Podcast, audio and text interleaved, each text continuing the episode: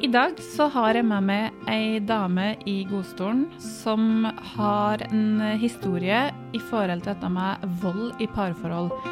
Jeg vet ikke så mye om denne historien, så jeg gleder meg til å høre litt eh, om den.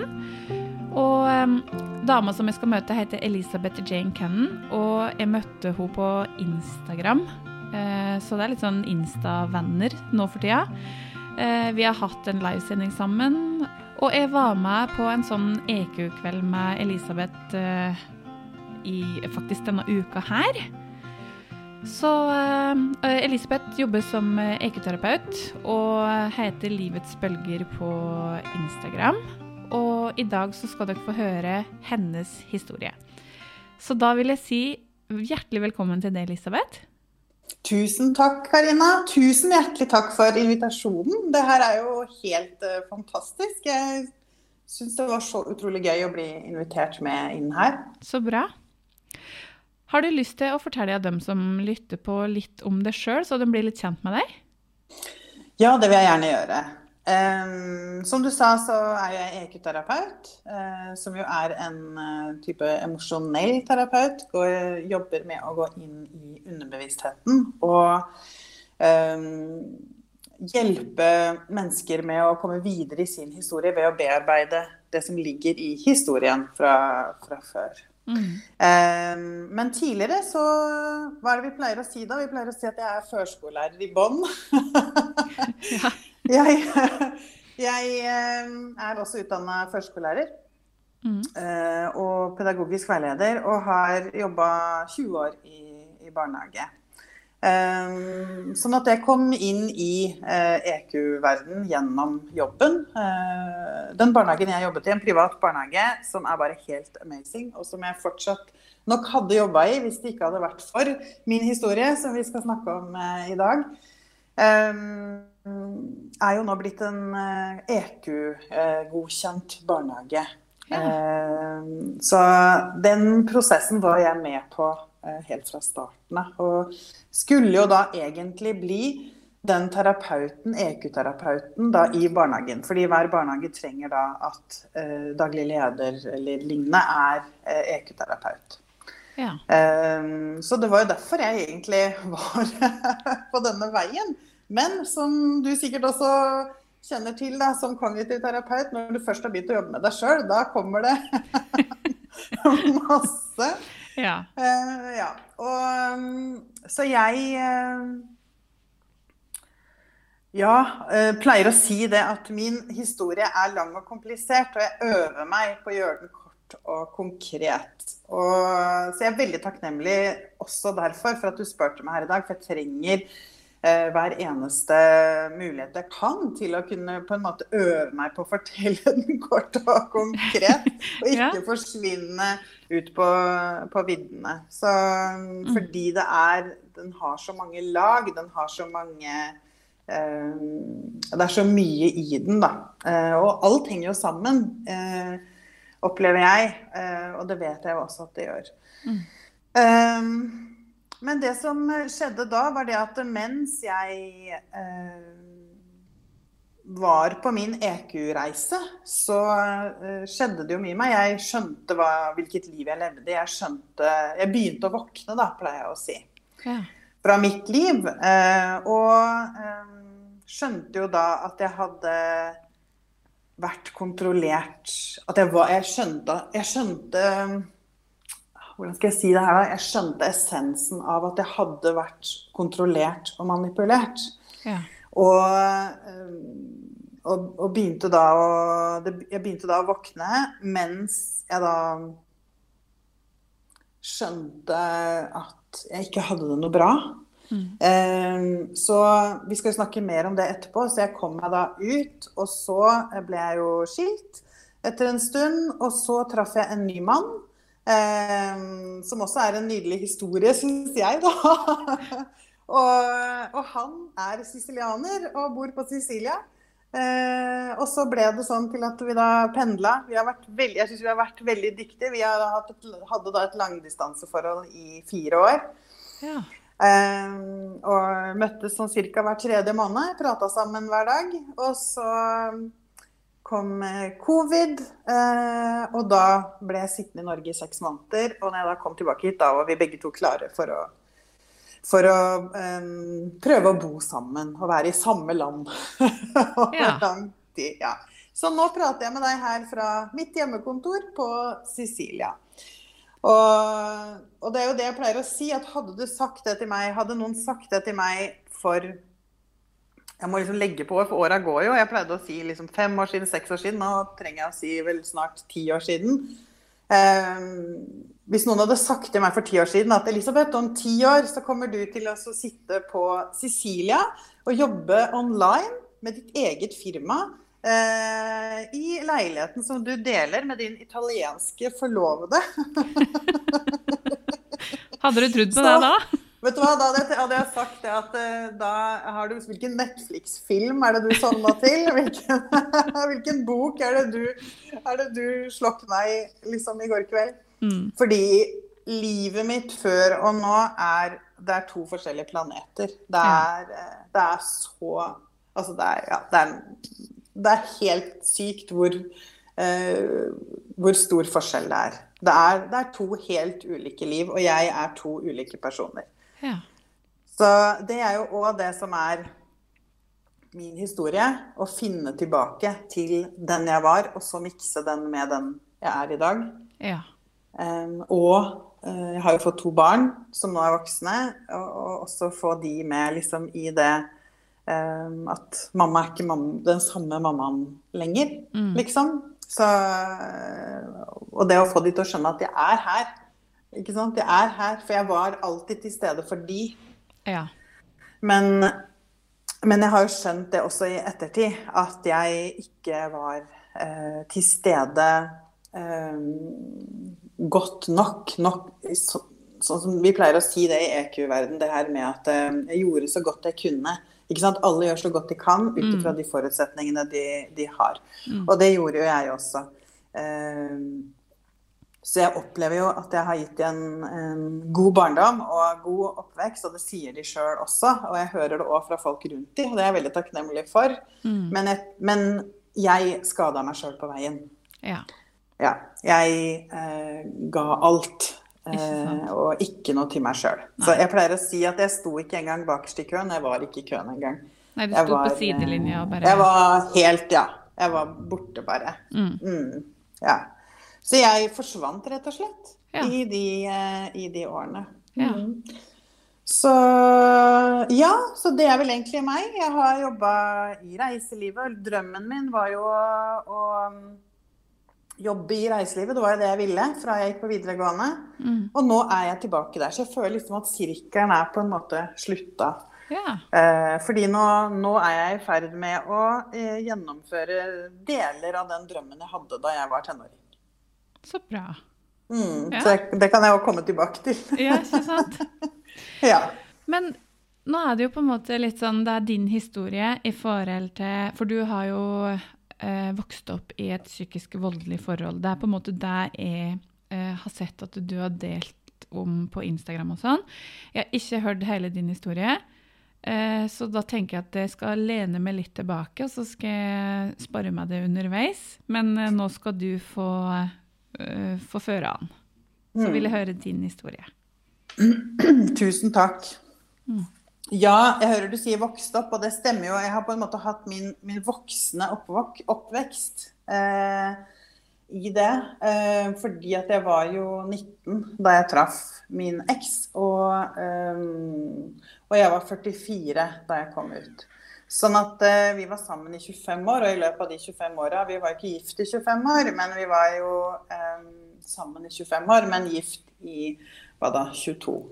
Eh, 22 år. Ja, men, men eh, når du er blitt sammen og nesten omtrent flytter sammen nesten med en gang, så er det jo på en måte bli, Så jeg pleier å si at jeg var gift i 25 år, for det gjør det bare enklere enn å begynne med det her. Ja, vi var sammen ett år, og så Ja.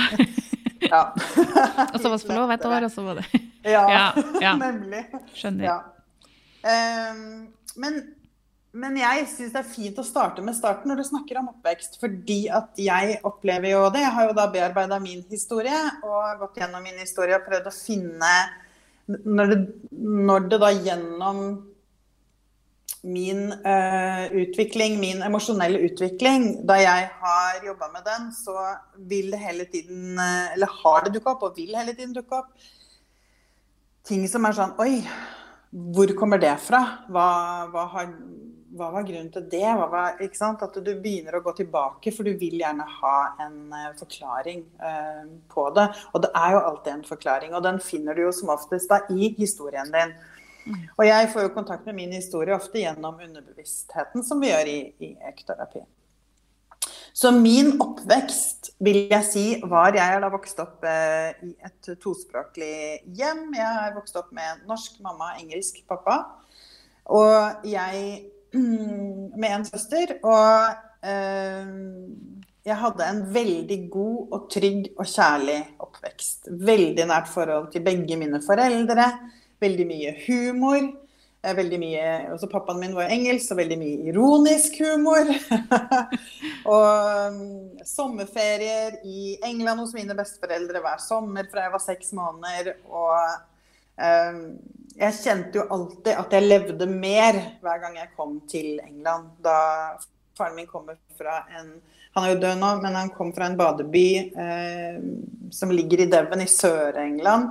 Eh, som ligger Ja, der vi kan kalle det for den engelske riviera. Den ligger liksom langs med eh, kysten der. Og eh, så jeg, vil, jeg, ville alltid dit. Det var dit jeg ville. Eh, det var det som var planen min. Ehm, så Og jeg var nok en veldig Jeg var veldig flink pike. Veldig flink pike. Og jeg var så flink pike at jeg fikk stempel som flink pike. Men jeg hadde ikke sånn altså Det var mange som trodde jeg hadde sånn superbra karakterer på skolen. ikke sant? Og ja, du har vel bare S. S var det den gangen jeg gikk på ja. skolen. Godt og meget og S. Um, det hadde jeg jo faktisk. Uh, ja, du hadde det. Mm. Godt ikke bare er meg. så det var um, Og så var det liksom Ja, du har vel bare sekser, eller du har vel bare Men jeg hadde ikke det. Jeg, hadde, jeg lå på mye meget og mye sånn sånn midt på. Og så hadde jeg mine fag som var liksom mine Sånn som engelsk, f.eks. Matte og gym var mine verste fag. Mens engelsk og, og Jeg gikk jo da jeg var ikke noe god i sånn, fys, sånn uh, fysikk og kjemi og sånt noe. Og ville ikke gå realfag, så jeg gikk handel- og kontorlinje, eller handelslinja, på en skole som ikke eksisterer lenger, faktisk, i Drammen, men som jeg føler var forløperen til, uh, til videregående skoler i dag. Uh, hvor du kunne velge hvert å velge liksom, din yrkesvei, på en måte. Så jeg Valgte først eh, kontoradministrasjon. Jeg likte sånne, sånne ting. Og, og, tysk hadde jeg jo. Og så valgte jeg reiseliv sistelinja linja da jeg var russ.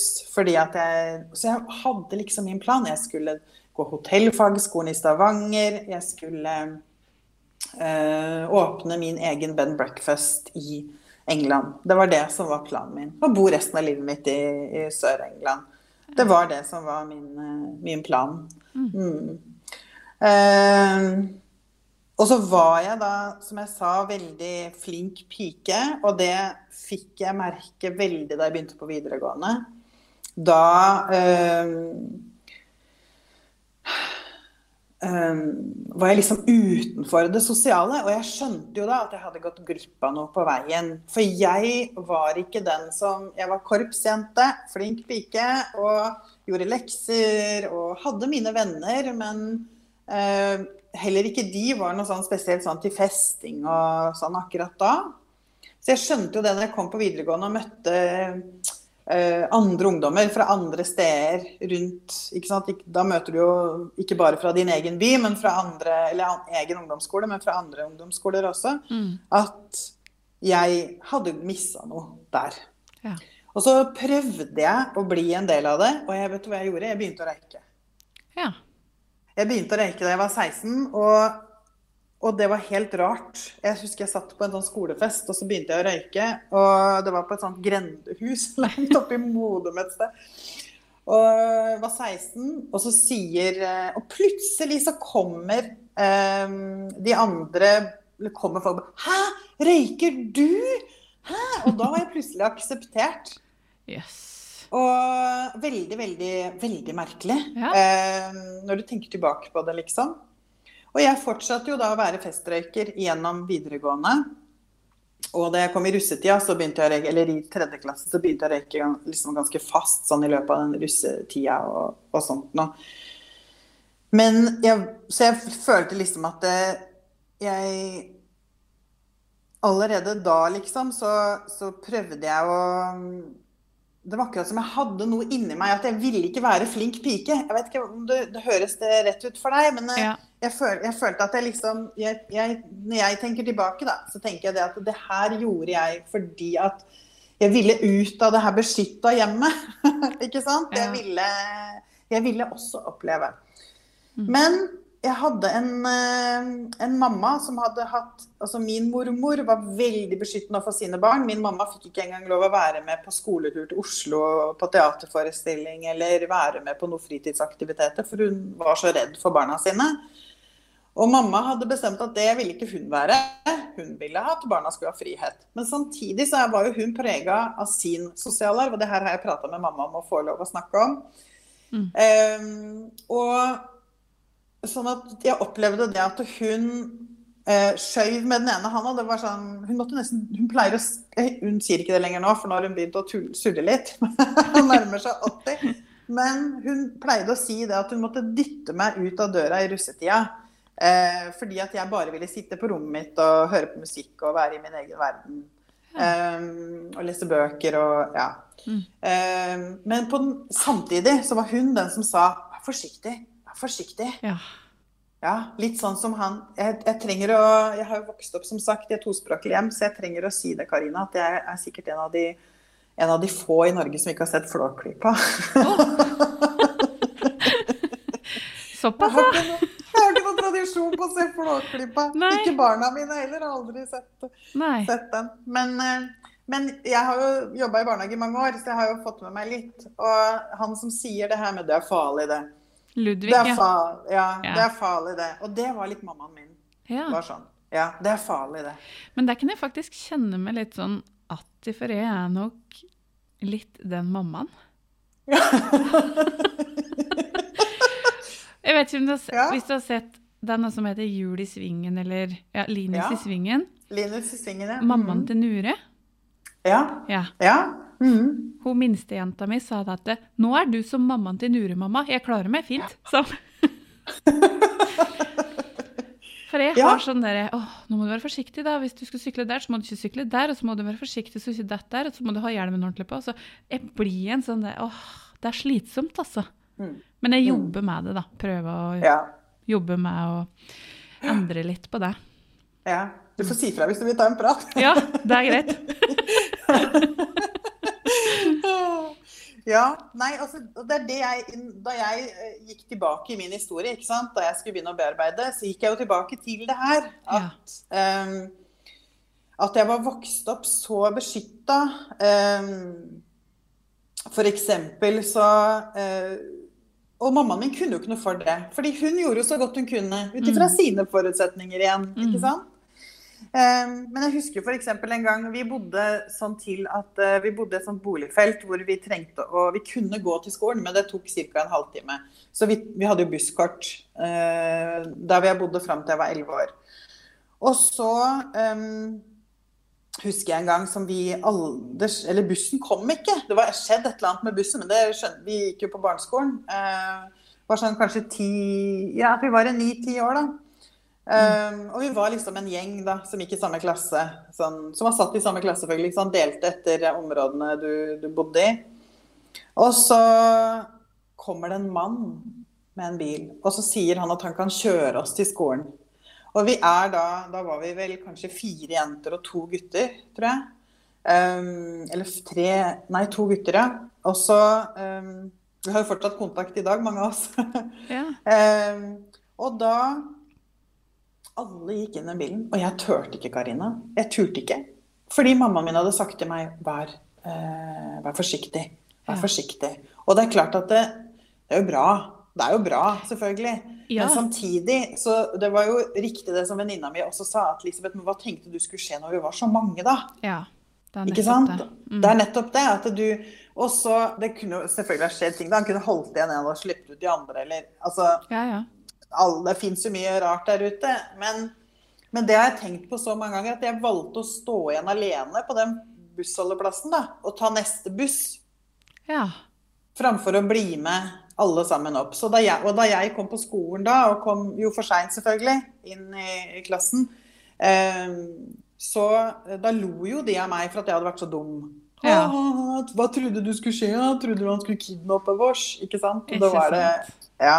Og den har egentlig sittet med meg, og så tror jeg det at det er blitt et slags symbol da, på eh, hvordan jeg var, Ja, og hva hvordan jeg ble oppdratt. Ja. ikke sant? Um, og i min historie, uh, å gå tilbake til min historie, så har jeg jo skjønt at da jeg da møtte min eks, så var jeg uh, ikke, Jeg var ikke klar for å møte en sånn type mann. Nei. Fordi at jeg hadde ikke livserfaring. Jeg hadde, og jeg hadde også, opplever jeg, mindre livserfaring enn mange andre 19-åringer. Mm. Fordi at jeg hadde uh, levd et så beskytta, harmonisk Ja, eh, liv, da. Ja.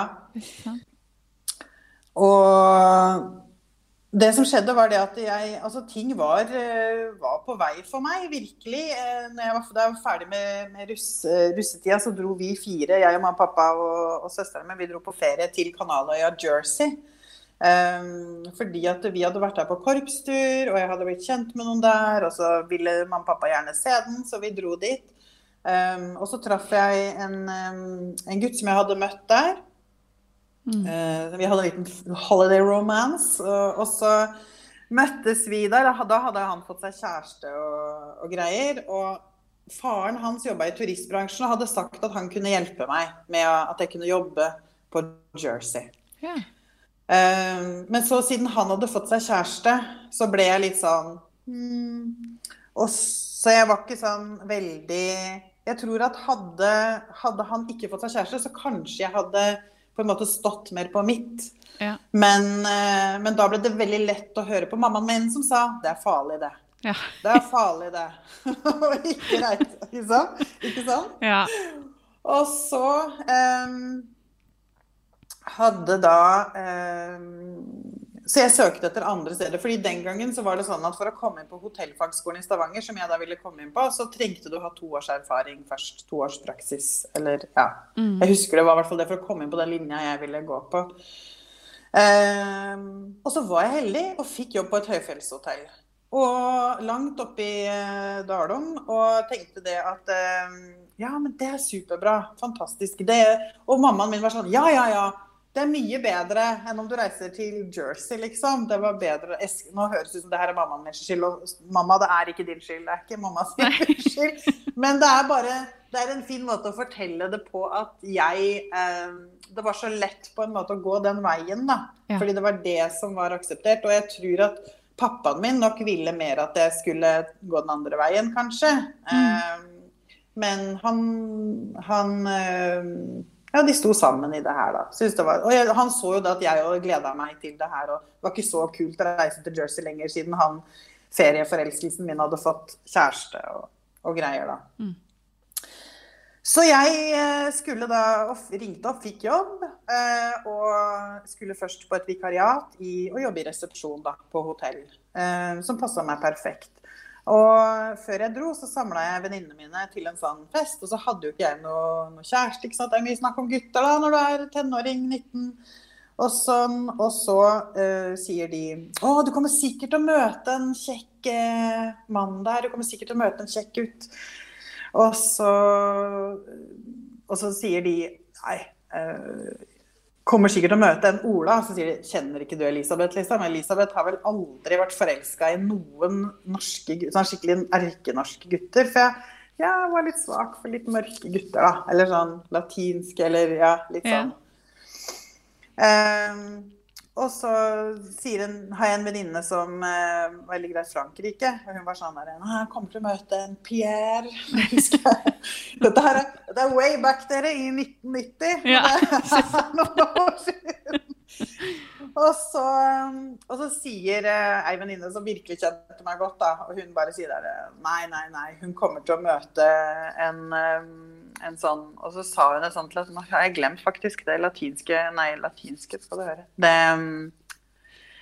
jo, det latinske navnet hun sa. Hun sa liksom sånn Han kommer til å møte en Don Juan, liksom. Eller Ja. liksom Ja. Ja, nå var det helt borte for meg. Um, og så drar vi oppover. Mamma og pappa kjører meg. Søsteren min er med for turns skyld. Vi skulle kjøre noen timer. Og så kom jeg opp der hvor jeg da skulle få en hybel. Og pappa parkerer bilen, og så eh, i bilen på vei oppover så forteller jeg den historien hva disse jentene hadde sagt da, kvelden før til eh, mamma og min søster, som da var vel 15-16. Og så, eh, når vi kommer inn på hotellet, så kommer vi inn døra. Det er ingen i resepsjonen. Det er, liksom, det er ingen der. Og så, kom, og så hører vi bare du, du, du, ned. Og så ned en sånn trapp ved siden av, så kommer det en servitør som da er mørk. Ja. Og, eh, og det bare, jeg husker det bare osa aftershave, og, og han eh, åpner døra for meg, liksom. Og det er sånn derre Vær så god. Veldig sjarmerende, da. Mm. Ja. Og egentlig så er det veldig fint Karina, at ikke jeg husker det navnet, for det har vært en sånn greie med hvordan jeg møtte eksen min. Da. Eller liksom, ikke sant? I, Ja. i fortida mi, hvordan møtte du mannen din? Sant? Ja. Hvordan vi møttes. Ja. Så jeg tenker det er veldig fint, egentlig. At jeg Ja. ikke husker det navnet. Men så bra. Jeg kjenner det nå. At det liksom, Guri for det har vært liksom sånn, for det var det Når han da forsvant ut den døra Ja. eh, videre, for han jobba jo da som, eh, som eh, annet servitør på det hotellet, så eh, forsvant han ned til sånn lager eller noe. Så han skulle bare gjennom resepsjonen og videre. Og da så vi tre på hverandre og bare mm, Og så sa vi det navnet som jeg da ikke husker. Ja. Og så eh, Og så altså, Da, den da hotellsjefen kom da og tok meg imot, så får jeg vite det at eh, det hadde vært eh, Bygdefolk hadde eh, festa på det rommet jeg skulle bo på. Så det var ikke Det måtte rengjøres før eh, For der hadde det vært skikkelig fest. Og jeg skjønte jo hva slags fest det var snakk om etter hvert som jeg bodde der. Ja. Ehm, sånn at den måtte da ordnes, så jeg fikk et hotellrom isteden da, første natta. Mm. Og, um, og så huske Så det var greit, for da følte jeg liksom at jeg bodde på hotell. sånn at da kjente jeg ikke så mye på ensomheten. Men da jeg kom ned på den hybelen dagen etterpå, Ja. så kjente jeg virkelig at jeg var Jeg følte meg så uh, ensom. Og liksom ringte pappa og bare «Å, Dette går ikke, og nei, jeg kan ikke være her. Og, og det er jo naturlig når det kommer Ja, ja. fra et trygt og kjærlig og varmt eh, hjem, da. Og så sier han til meg Det må jo være et sted Elisabeth, hvor de møtes, de som jobber der, på kvelden, liksom. Så han sier til meg gå opp i resepsjonen og se om du finner noen der. Um, og så kom jeg opp, og der sitter jo da min eks.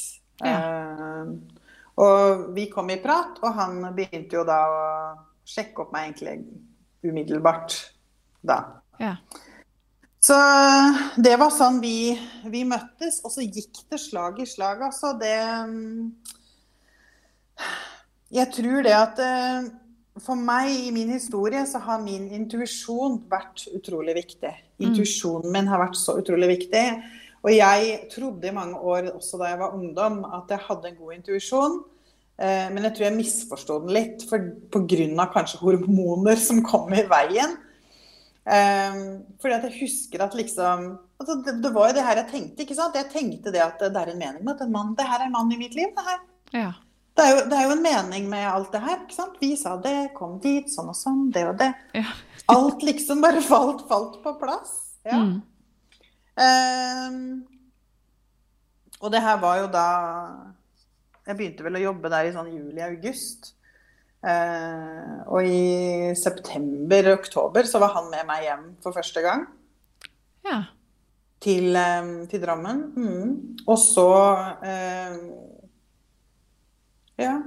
Og så bare plutselig vips, så ja, så var jeg inni det, liksom. ja. Mm. Og Men flytter dere sammen, eller?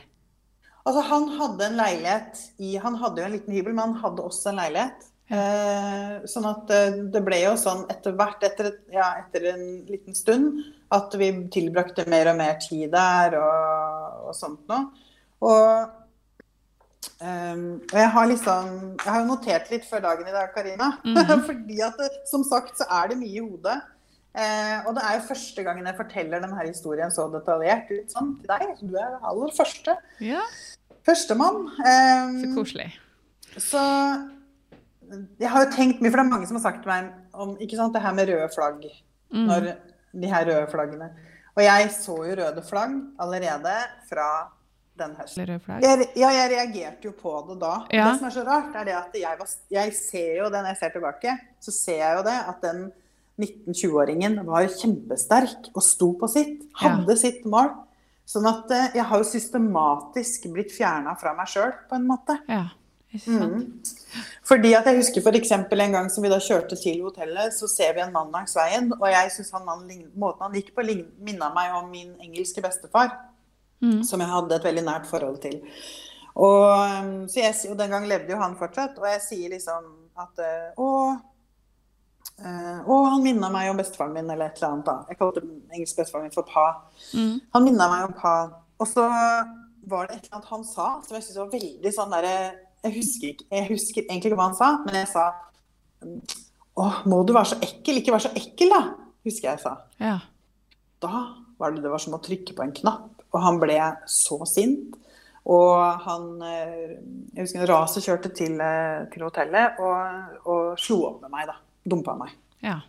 Det var bare sånn «Nei, Slutt, slutt er slutt. Mm, og liksom, ja. Ja. Og jeg ble helt sånn Fordi jeg var jo så ensom der oppe. Jeg følte meg så alene. Mm. ikke sant? At jeg var eh, Det her var liksom Nå hadde jeg min, min Jeg hadde en kjæreste.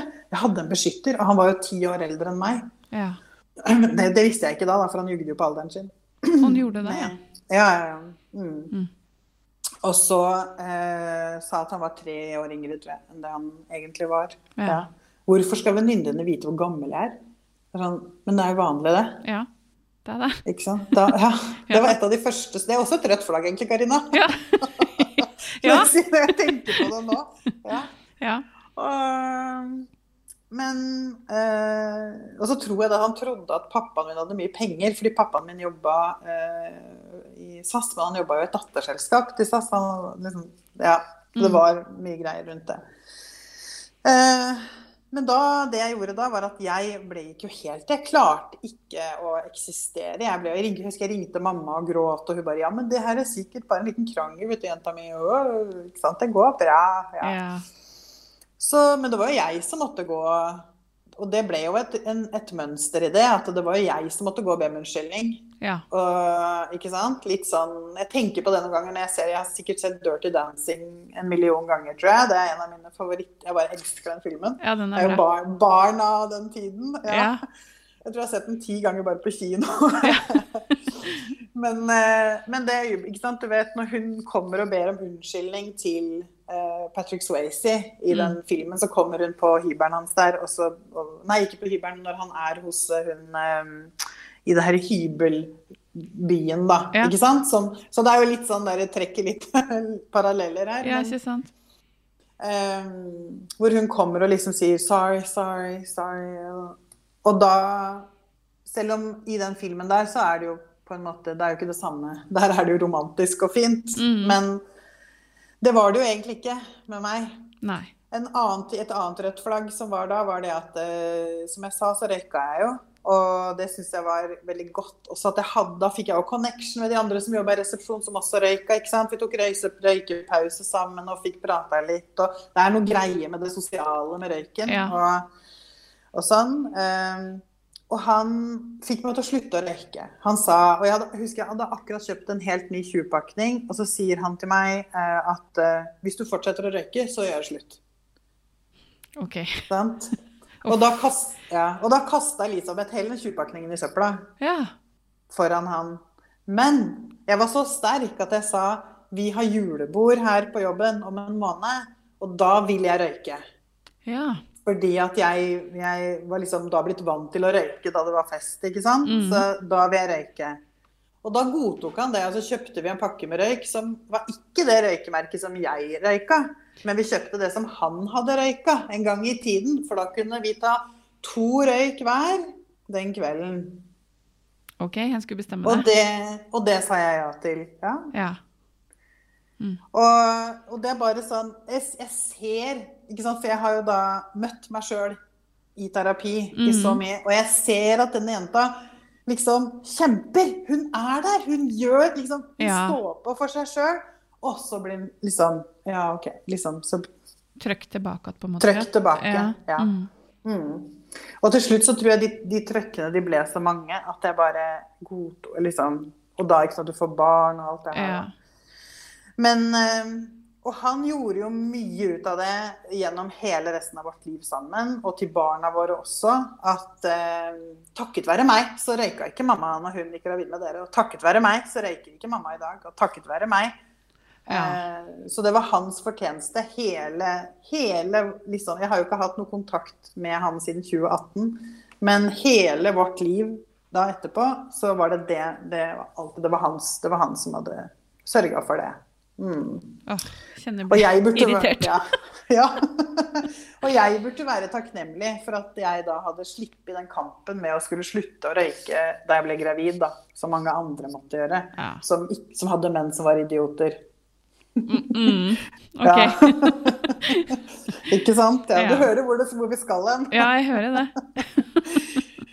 Ehm, ja, men så var det én gang, fordi han eh, gikk jo også på et tidspunkt og utdanna seg et annet sted i landet, og så skulle han dit, og da dro jeg hjem fordi jeg jobba jo på et høyfjellshotell, så der var vi jo, ble vi jo satt i permisjon noen ganger, da, ikke sant? Når det Ja. var sånne perioder hvor det ikke kom folk.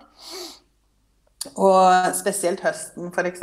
Og jeg dro hjem til eh, til mamma, og det her er jo noe som, jeg, som bare jeg og mamma vet, så nå forteller jeg det her, fordi nå vil jeg at alt skal ut. Så vi sitter hjemme hos mamma, og, så, så si, og mamma den gangen røyka mamma også lite grann. Ikke mye, bitte litt, liksom. Jeg har aldri inhalert, pleier hun å si det. hun slutta å røyke for mange, mange år siden, men hun var veldig sånn, ja. Og, og så ble hun Jeg tror hun merka at det skjedde noe med meg, fordi vi hadde jo et veldig nært forhold. Så hun merka og, og, Så hun likte ikke det at jeg hadde slutta å røyke. Nei. Nei. Og hun var sånn Men du kan ta en røyk her sammen med meg. Så hun trigga meg litt, da. ikke sant? Var Ja. sånn, Du kan ta en røyk her sammen med meg. Liksom. Mm. Og så bare Nei, men mamma, jeg har lovt at jeg ikke skal, og da gjør den slutt igjen. Ikke sant? Ja. Men så tok jeg den røyken, for han var jo på andre sida av landet. Mm. Helt til Karina plutselig så svinger den bilen inn i gårdsplassen. Oi. Mm. Ja. Mens jeg sitter der klokka halv elleve på kvelden Ja. og røyker med mammaen min. Ja. Og da kommer den. Da kommer han. Å, nå fikk jeg frysninger. Å, Mm. Mm. Ja. du, Jeg får frysninger sjøl når jeg forteller. ja. Ja. Altså, det, og jeg husker jeg, jeg fikk helt panikk. Totalt panikk fikk jeg.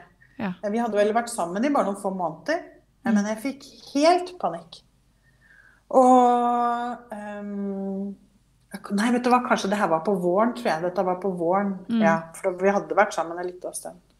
Og jeg hadde jo reist hjem der. Jeg hadde planer med mamma, jeg hadde planer med venninnene mine. ikke sant? Jeg bodde jo da i nærheten av Drammen. Vi skulle liksom gjøre Plutselig var et sted hvor vi var sentralt og vi kunne gjøre ting. Mm. Ikke langt opp, i, opp på fjellet. Og, ja. og så kom han, og det første jeg gjør, er jo at jeg bare Mammaen min satt plutselig med to røyk. For den gangen, da, som sagt, i 1990-91, så, var- så var det stuereint å å røyke inne. Ja. Da røyka man jo inne. Ja.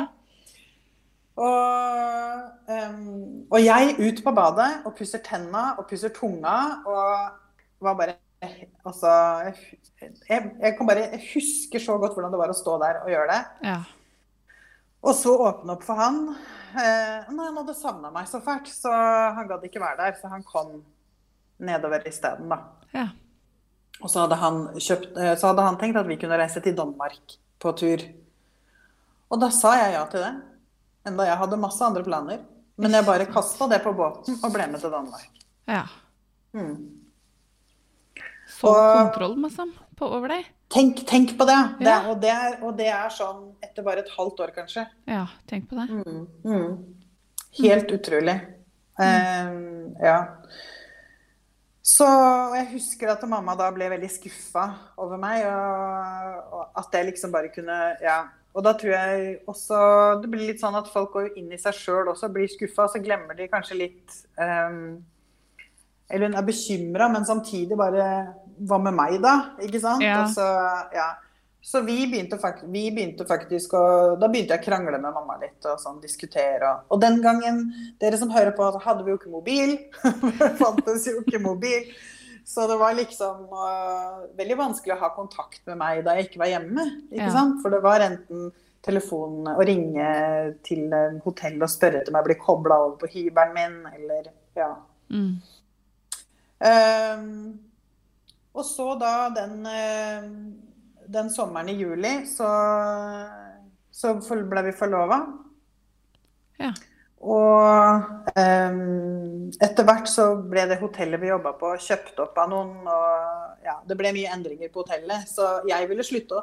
Og det var litt sånn Jeg, ville, jeg bestemte meg for at uh, jeg ble bare satt inn som vikar, for jeg var jo en av de yngste. Mm. Så jeg bestemte meg for det at da vil jeg heller reise tilbake til eh, hjem igjen. Mm. Istedenfor skal jeg bare være her fordi du jobber her, liksom. Det. Så det sto jeg på. Ja. At jeg ville da dra, da dra hjem. Da hadde vi jo kjøpt hund og greier. Og, og så eh, Men da ville jo han være med. Så vi leide da et hus i min, på mitt hjemsted. ja. Da. Mm, og han blei med tilbake. Og det huset var et veldig gammelt hus som lå på Det hadde vel vært en gård. Eh, Det var jo ikke en aktiv gård da, men det hadde, lå jo på en gård. Og det huset som vi leide, hadde vært et sånt uh, som jeg tror griserøkterne hadde bodd i, eller noe sånt nå i gamle dager. Mm. Uh, og et stabbur ved siden av, og, og litt og en sånn grøft ned, husker jeg. Og en gang som Det er også et må være vært et stort rødt flagg for meg. En gang som jeg da Jeg tror rett og slett at jeg bare ville til en venninne, eller at uh, Ja. Det var i hvert fall en, det var en veldig Eller at jeg hadde stilt et spørsmål som tydeligvis ikke burde stilt, eller et eller annet. Og da tok han og kasta forlovelsesringen ned i grøfta. Ned i det buskaset. Ja. Og jeg har et sånt bilde av meg sjøl, for det her er, den her har jeg tatt i terapi en gang. Akkurat det eksempelet her sånn. Mm. At jeg i, Og det begynner å bli mørkt, ikke sant. Sånn på våren, og så begynner det å bli mørkt. Eh, og jeg krabber i det buskaset for å finne den ringen, mens han bare står og ser på meg først, og så går han inn. Oh. Og jeg krabber rundt i det buskaset etter den ringen, finner den og kommer inn og fysisk ligger på knær og griner og ber den, trygger den om å ta på ringen igjen. Åh, gud a meg. Ja. Mm. Mm.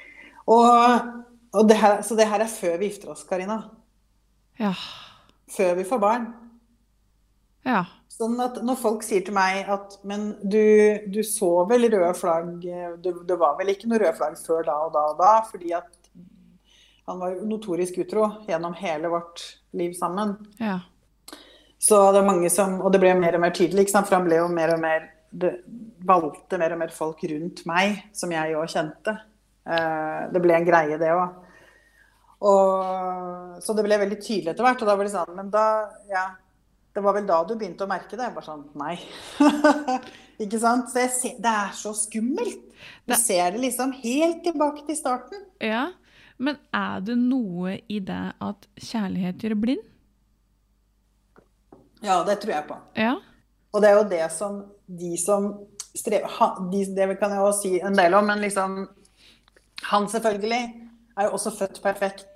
Mm. Jeg mener jo det at alle mennesker er født perfekt. Og at alle har bare At de har møtt noen i livet som det har skjedd et eller annet med Mm. dem. Og det er det jeg tror har skjedd der. Uh, selv om jeg ikke vet hele historien. Men det tror jeg har skjedd der. Mm. Og, så jeg tenker det at uh, Jeg så liksom den gode siden, da.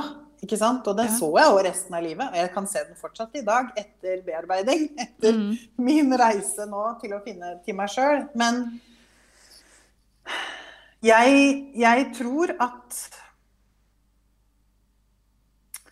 Jeg var jo ikke sant, medlem av eh, Altså, min eks er jo ikke norsk. Eh, og jeg eh, var jo med i SOS Rasisme, sto på barrikadene og eh, Ja. Sånn at eh, jeg tror at det var en blanding av det Jeg tror nok det at jeg er en veldig stor empat. Mm. Eh, også samtidig så ble jeg jo veldig lavbomba, ikke sant, også. Det var liksom Han gikk jo all in. Ja. Ja. Eh, og noe annet som skjedde også f.eks. da vi jobba på hotellet, var jo det at plutselig en dag så dukka kjæresten hans opp. Oi. Hadde han en kjæreste? Huff a meg. Sorry at jeg flirer. Men Ja, Nei, men det, jeg flirer sjøl, jeg. For det og hun, var da, ja. eh, ja, og hun var da ett år yngre enn meg. Og ifra det, det andre stedet i, i landet. Og, og kom Ja. Og da bodde jo de sammen eh, noen dager eh, i hans leilighet mens jeg var på hybelen. Um, og eh, ja, han fortalte jo meg at eh, nei, det er ikke noe Jeg har egentlig gjort til slutt, og hun har trua med det og trua med det. og jeg fikk, det var jo hennes, Alt var jo hennes skyld. ja. Og eh, ni måneder etterpå så ringer hun og er gravid. Eller får hun en på et barn. Så, og, en, og da, når jeg fikk vite at hun var gravid, Karina, så sa jeg nå er det slutt. Nå går du ja. til henne, for det her vil ikke jeg være en del av. Det er det jeg mener med at jeg var, jeg var skikkelig Ja, du på. Ja. Ja. Og så ble det bare Du, du ble på en måte mer og mer borte, da. Mm. Mer og mer viska ut. Mm, mm. Nettopp. Ja. Jeg syns så godt det er en veldig fin konto på Instagram som heter Etter volden. Og jeg kjenner jo den personen som Eller jeg har hatt kontakt med den personen som er bak der, med, fra våre Clubhouse-dager i fjor. Ja. Og, ehm, og hun skrev at jeg eh, Jeg hadde ikke puls. Jeg hadde ikke puls. Og sånn, er, sånn ble det etter hvert. ja. Altså, det, det begrepet det, det var så virkelig så godt skrevet. Jeg hadde ikke puls. Mm. Ja. Fordi det er, sånn det, det er sånn det var. Fordi du mister jo helt kontakten med deg sjøl. Totalt. Mm. Og når du går tilbake og ser, og du ser hvordan det skjedde Eller altså, ikke sant? Du ser den herre Hvordan du mer og mer og mer Eller mindre og mindre, ble mindre og mindre igjen av deg sjøl. Mm. Så det er jo helt uh, utrolig. Mm. Så, og til og med også da vi skulle da gifte oss, og jeg syns det passa helt perfekt, fordi det, to år etter vi hadde forlova, så kom forlovelsesdatoen på en eh, lørdag. Ja. Så da tenkte jeg det at uh, that's meant to be. Det er, her er vent ja. Og 10.07. 10.07 er jeg, altså 10. juli er jeg forlova. 10. juli ble jeg gift. ja. Uh, og jeg trodde jo det uh, i mange år, at det var et lykketall for meg. Og nå har jo jeg kommet veldig langt i min spirituelle reise, og Mm. ser jo det at Fordi jeg begynte å se 1007 overalt. ja. Og jeg er veldig opptatt av sånne ting. Da. Det har vært en del av min eh, Det er en del av både en del av min reise, men også det en del av det å på en måte finne tilbake til min intuisjon igjen. Mm. Um, og 1007 kan ofte stå for uh, Eller 1007 kan stå for det her med at du er ikke på riktig sted. Oh. Du er ikke der det er ment du skal være. Ja. Mm. Men det visste ikke jeg før to år etter jeg var skilt. At det var det. Nei. Og nå ser jeg 1007 overalt. Eh, og for meg nå så betyr det, er det en bekreftelse på at nå er du der hvor du skal være. For det kommer alltid når jeg er usikker. Da jeg er usikker, så Ja. plutselig så ser jeg 1007. Mm. Ja. Men for meg så har det blitt en helt annen For det kan bety to ting, har jeg skjønt, ut ifra hvor du er, da. Ja. Jeg er ikke så veldig dreven på det her, men jeg prøver å lære meg. Ja. ja, det er litt gøy, da. Men, eh, men før jeg ble gift, så, så begynte jeg å få mistanke. Jeg hadde mistanke fordi at uh, det som skjedde, var det at uh, min eks prøvde å få seg jobb uh, nede ved meg, men det var vanskelig å få jobb, så han dro tilbake til fjellet, fjellet igjen Ja. en periode, og så pendla fram og tilbake. Og så Det var også fram til vi gifta oss, og da eh, hadde jeg mistanke om at noe var galt. Eh, så jeg faktisk kjørte hjemmefra opp tre timer om natta Oi. uten mobil, som sagt, som vi hadde ikke den gangen, med bikkja. Jeg hadde jo en schæfer eh, da, men kjørte oppover eh, midt på natta og var egentlig ikke klar over at det var så mange veier oppover som ikke hadde lys. så jeg ble litt sånn Jeg bare tenkte på hvor tøff jeg var da. Uten mm. noe. Jeg sa fra til mamma at jeg dro, for jeg fortalte jo alt. Jeg snakka jo med mamma om alt en lang periode. Ja. Og, um, så jeg fortalte også om det her at jeg hadde noen mistanker og litt sånt. Ja. Og jeg dro opp Karina, og jeg låste meg, fikk tak i nøkkelen. Men han ble nok varsla, tror jeg, av noen som jeg fikk låne nøkkel av. Siden jeg hadde jobba der, så det var på samme sted. Ja. Og så kom jeg inn på rommet, og der ligger det kondompakke, og han er naken. Og enda så gifter jeg meg med ham. Å, oh, herregud. Men For han sier til meg da at, uh, at uh, det, nei, dette, er tilhører, dette er ikke min hybel, dette er tilhører noen andre. Jeg bare sover her i kveld. Det, det var alle mulige unnskyldninger. Ja, ja. Mm, mm. Så jeg prøvde. Tenk ja. på det. Jeg prøvde så mange ganger. Jeg, jeg pleier å si det at mitt indre barn er jeg kaller for min kjærlighetskriger. da. Min, ja. Så jeg føler at hun, hun prøvde. Det var sånn ja. Se her, da! Men kom igjen, da! ikke sant? Og så Nei. Ja. Helt utrolig. Og likevel så gifta du deg. Mm. Ja. Mm, mm. Men det gjorde jeg. Hva er det på en måte som Hva er det som gjør det, tror du? At du At den kjærlighetskrigeren i det ikke At du ikke lytta til den, da? Nei, jeg tror som sagt at jeg misforsto min intuisjon. Ja.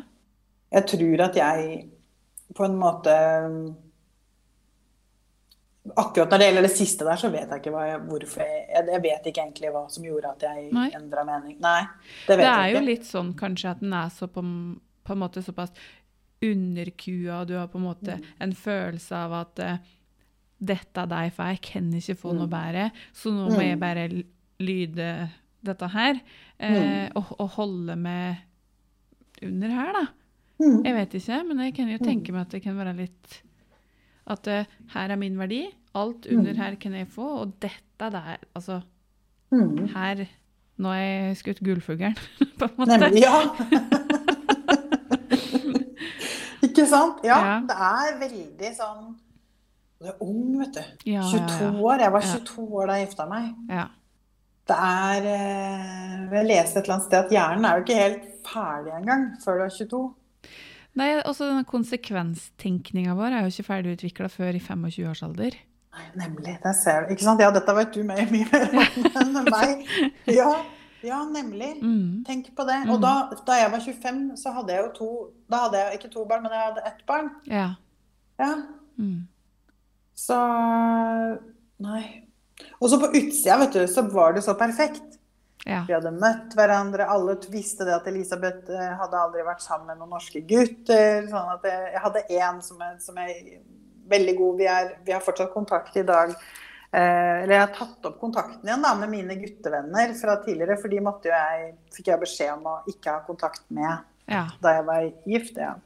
Eh, men um, Men jeg Det så så flott ut på utsiden, da. Mm. Ikke sant? Gifta meg.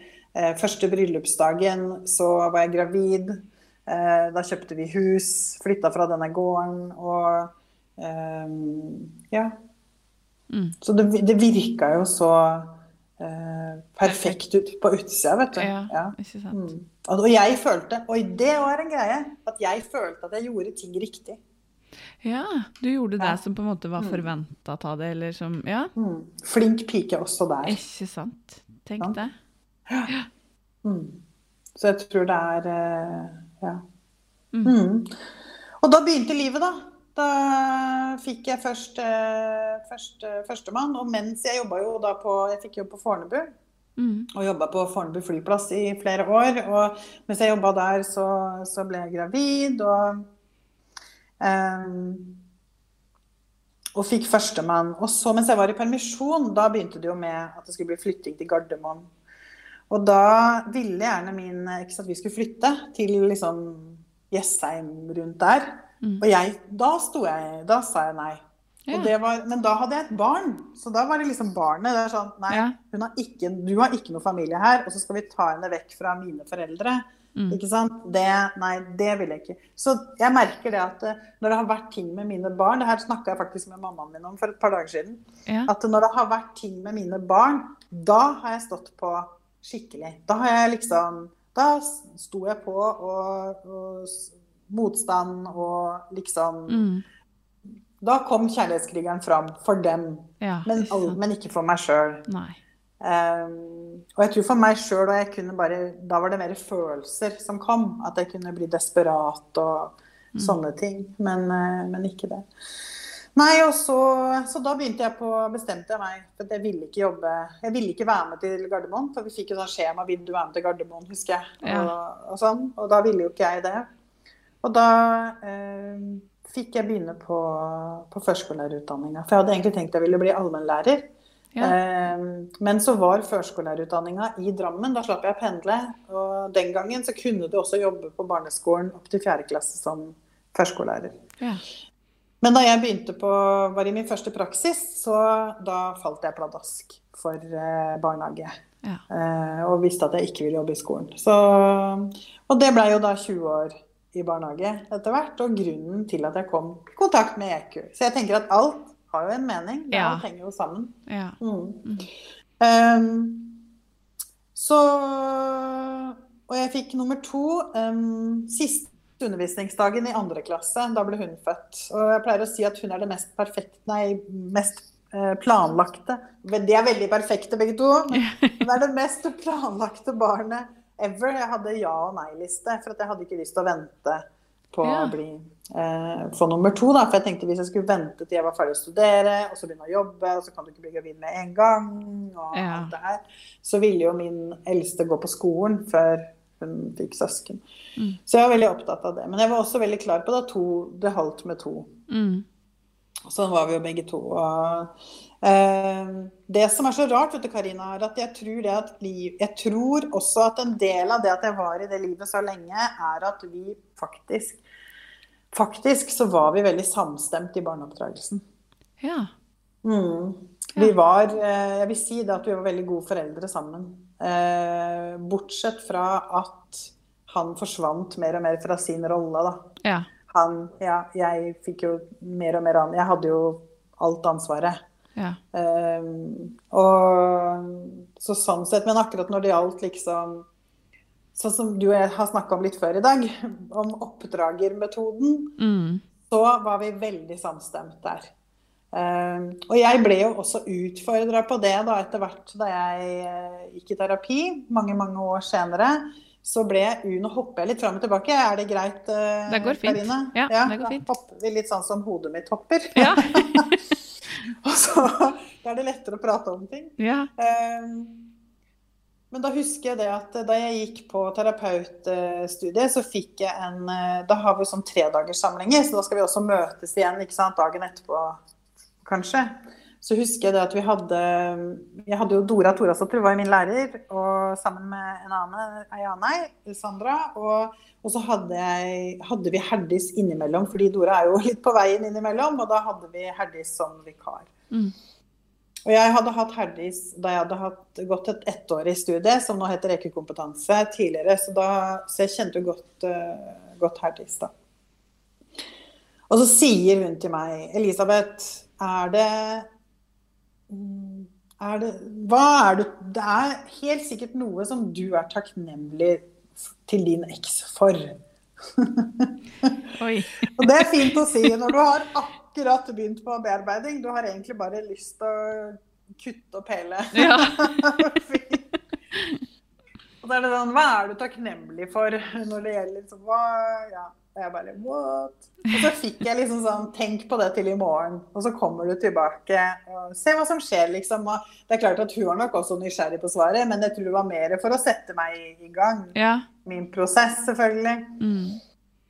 Og jeg kom faktisk på noe, og det står jeg jo ved noen dager i dag òg, at eh, han eh, lærte meg å jeg, Han lær, lærte meg å si at jeg elsker barna mine. Jeg elsker deg til barna mine. Ja. Fordi jeg var vokst opp i et trygt og kjærlig og nært og godt, og jeg tvilte aldri et sekund på at foreldrene mine var glad i meg. Jeg kan ikke huske at vi tenkte på liksom, er mamma og pappa glad i meg. Mm. Aldri, aldri, aldri tenkt den tanken. Så, men de sa det aldri. De sa Nei. aldri ordene. Nei. For det var noe med det de var vokst opp i, ikke sant? og hva de var vant til. Mm. Men pappaen min hadde masse kjælenavn for meg, for det er vanlig, det er vanlig England, ikke sant? med masse kjælenavn og, og sånn. Mm. Men, eh, så, men aldri akkurat de ordene 'jeg er glad i deg' eller 'jeg elsker deg'. Nei. Men det var han. Han var vokst opp med det. Ja. Hans, ja. Og mammaen hans kom jo mye på besøk. Jeg hadde et veldig nært Hun ble sånn min andre mamma. Jeg kalte henne bare for mamma. Ja. Um, og jeg hadde et veldig nært forhold til uh, mammaen hans. En ordentlig god og søt dame. Eh, hun døde faktisk også um, av Alzheimers, samme som pappaen min. Så Ja. ingen av de to som var ganske nære oss, fikk med seg eh, egentlig at vi gikk fra hverandre, på en måte. Eh, men hun eh, hadde jo fem barn, og som hun hadde veldig nært forhold til, og, og mange barnebarn. Så hun var nok raus med det. Eh, og snakka jo sitt språk. Jeg lærte jo, jeg lærte jo hennes morsmål, eller det, hans morsmål, for å kunne prate med henne. Ja. Eh, fordi at hun snakka jo heller ikke engelsk. Eh, men da kom jeg jo fram til det, da. At det var en ting jeg hadde fått fra han. Fordi på grunn av det at han helt fra barna ble født, nesten fra før de lå i, når de lå i magen, så øh, var han veldig kjærlig og, øh, og liksom jeg, Og han er veldig sånn 'Jeg er glad i deg, jeg elsker deg'. Han sa veldig mye det. Og da Mm. ble det naturlig for meg også. Og jeg husker at det var veldig sånn rart å si det høyt i starten, fordi at jeg var jo ikke vant til det. Eh, ikke på den måten. Å si det til de, eh, si det sånn. Eh, men så det er noe jeg er takknemlig for. At det ble naturlig for meg. Fordi i dag, barna mine er jo som sagt voksne og nærmer seg jo til og med 30-åra, selv om jeg ikke liker at jeg sier det. Men eh, hver gang vi prater sammen på telefon, så avslutter jo de med 'jeg er glad i deg'. Ja, ikke sant. Så bra. Ja. Og, jeg, og jeg tenker det at det også har vært et utrolig bra utgangspunkt for det her med at de vet at de har foreldre som er glad i dem uansett. Ja. Eh, fordi det som jo skjedde da i alle de her årene, Karina, fram til jeg var i midten av 40-åra, Mm. nå er jeg jo 52, eh, er at vi levde jo et helt normalt, vanlig liv egentlig, på veldig, veldig mange måter. Ja. Og jeg skapte en fasade eh, som gjorde at til og med barna mine visste ikke hva de levde i. De trodde vi De levde med det at vi hadde en helt perfekt familie, flott familie. Mamma og pappa elsker hverandre, trodde de. Ja. Ikke sant? Så da kan du jo tenke deg det sjokket som kom da jeg begynte å våkne. Ja. Og da jeg begynte å bli sterk. Eh, det, altså, det har vært så utrolig mye endringer å håndtere for de og for de nær meg. Og det ble sånn etter hvert da jeg begynte å våkne, at, og jeg kom meg ut og alt det her, Mm. så ble det sånn at eh, jeg kunne dele opp de menneskene jeg, jeg, som hadde kjent meg før.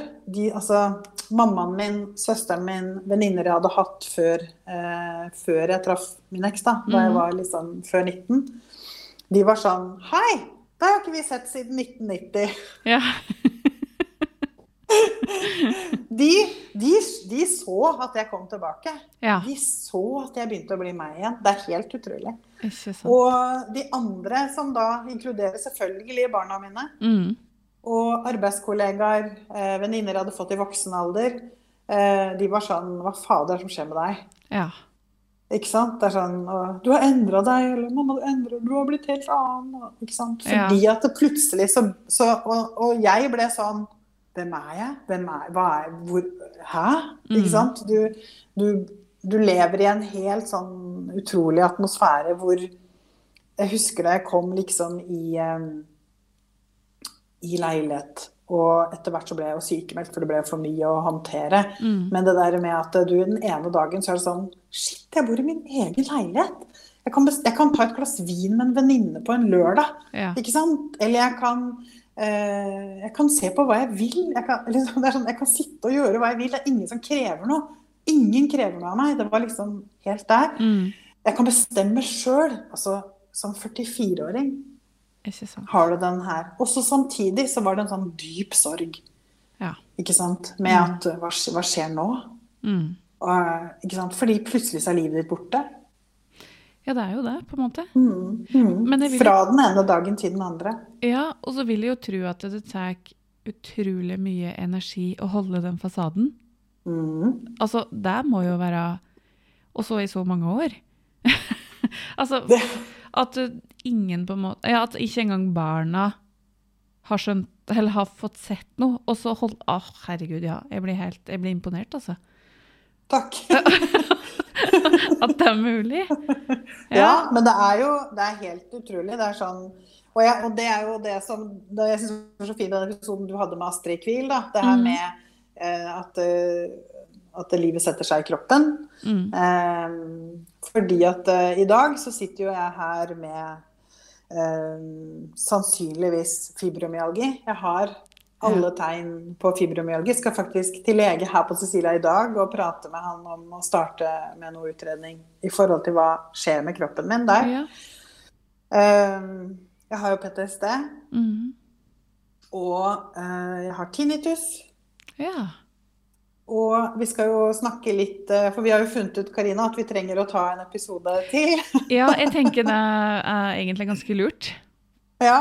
For det er, Ja, det... det- er det å gå inn, inn i historien litt òg, og at du kan fortelle din reise med, Mm. det, ja, med bearbeiding og alt rundt, tenker jeg. Mm. Mm. ja. Og det har jo vært Jeg, jeg, jeg, har, jeg, jeg fant ut det via altså et, Lenge etter jeg var skilt, så fant jeg ut at jeg hadde vært eh, utsatt for seksuell vold i alle år. Eh, og det er jo også en ting jeg drar med meg i dag. Fordi at jeg har, har jo ikke mm, føl, Jeg har ikke følelse, fysiske følelser som jeg burde ha, fordi at det, det har vært så hardhendt da, Ja.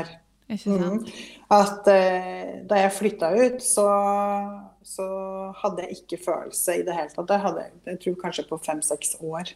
Såpass, ja. Eh, Ja. mm. Så det er liksom sånne ting som, som Men som du ikke skjønner. Ja. Altså, da jeg ble skilt, så gikk jeg til legen og spurte og sa at jeg trenger en helsjekk. For at jeg kan ha kreft uten at jeg vet om det engang. Ja. Fordi at jeg har bare numma meg sjøl. Jeg var jo nummen, og så hadde jeg bare spist tabletter. altså Da snakker jeg om Ibux og Paracet og sånne ting. Ja.